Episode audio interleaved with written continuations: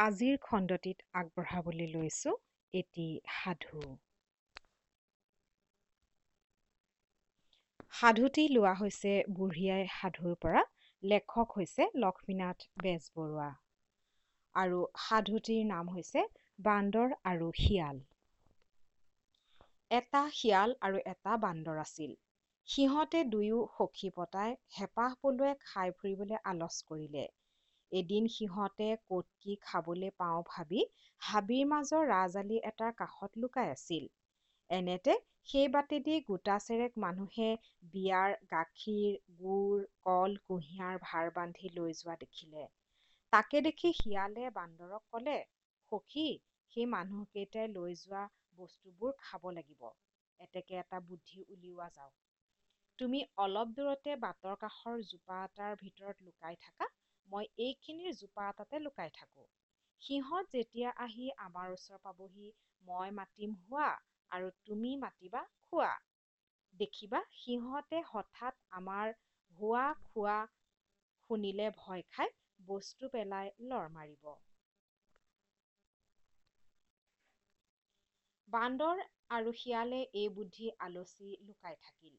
মানুহকেইটা আহি ওচৰ পালত হোৱা হোৱা আৰু খোৱা খোৱা কৰিলত বাঘ কি ভালুক আহিছে বুলি মানুহকেইটাই ভয় খাই ভাৰবোৰ তাতে পেলাই এৰি থৈ ভিৰাই লৰ মাৰিলে। মানুহকেইটাই পিয়াপিদি লৰ মৰা দেখি শিয়াল আৰু বান্দৰে ৰঙত দেও দোপাৰি নাচিবলৈ ধৰিলে।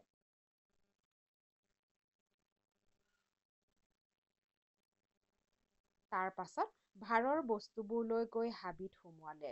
বান্দৰে শিয়ালক ক'লে সখি আমি বস্তুবোৰ ইয়াতে খাবলৈ বহিলে যদি সেই মানুহকেইটাই সিহঁতৰ বস্তু বিচাৰি আহি উভতি আহে তেন্তে আমাক ইয়াতে পালে মাৰি আধা কৰি পেলাব বস্তুবোৰ কাঢ়ি লৈ গুচি যাব। এতেকে এটা কাম কৰা যাওক। এই বস্তুবোৰ লৈ মই এই ওখ গছজোপাৰ ওপৰত উঠোঁ বুলি আৰু তুমি তলত থাকা। তুমিতো আৰু গছত উঠিব নাজানা। ওপৰত মোৰ ভাগ বস্তু মই খাম আৰু তোমাৰ ভাগৰ বস্তুবোৰ মই এটা এটাকৈ তললে পেলাই থাকিম। এতেকে তুমি মোৰ বস্তুবোৰ দাঙি দিয়া মই ওপৰলে তুলি নিওঁ।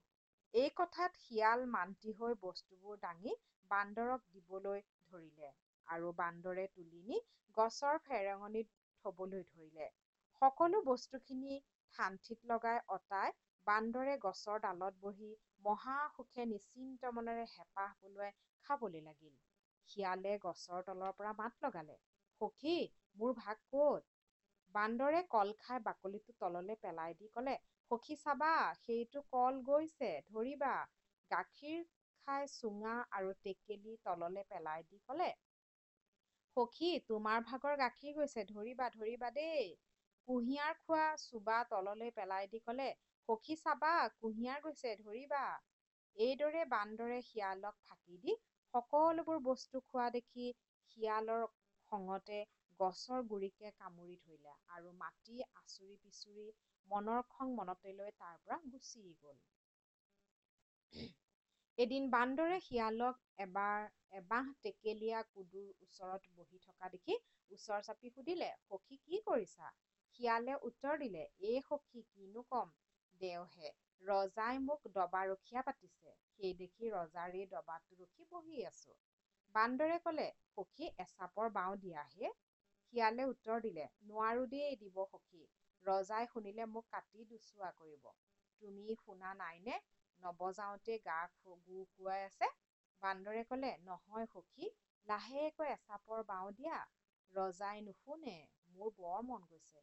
শিয়ালে বাৰু সখি তোমাৰ কথানো পেলাওঁ কেনেকৈ? লাহে লাহে চাপৰ দিয়া দেই।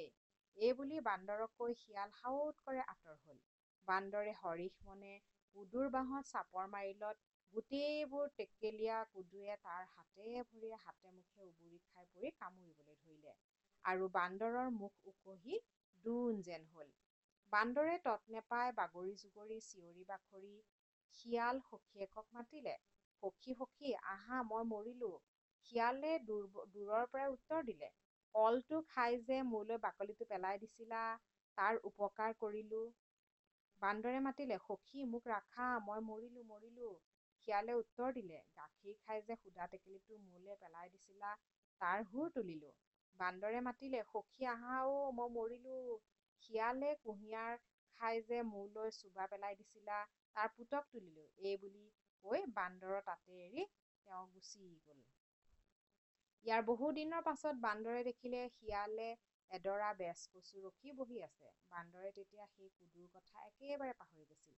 সি ওচৰ চাপি আহি শিয়ালক সুধিলে সখি কি কৰিছা? সেইডৰা কি? শিয়ালে হাঁহি মুখেৰে বান্দৰৰ ফালে চাই মাত লগালে এইডৰা ৰজাৰ পোৰা কুঁহিয়াৰ মোক ৰজা ঘৰৰ পৰা ৰখীয়া পাতিছে দেখি ৰখি আছো। কিনো কৰিম দেওহে ৰজাৰ হুকুম?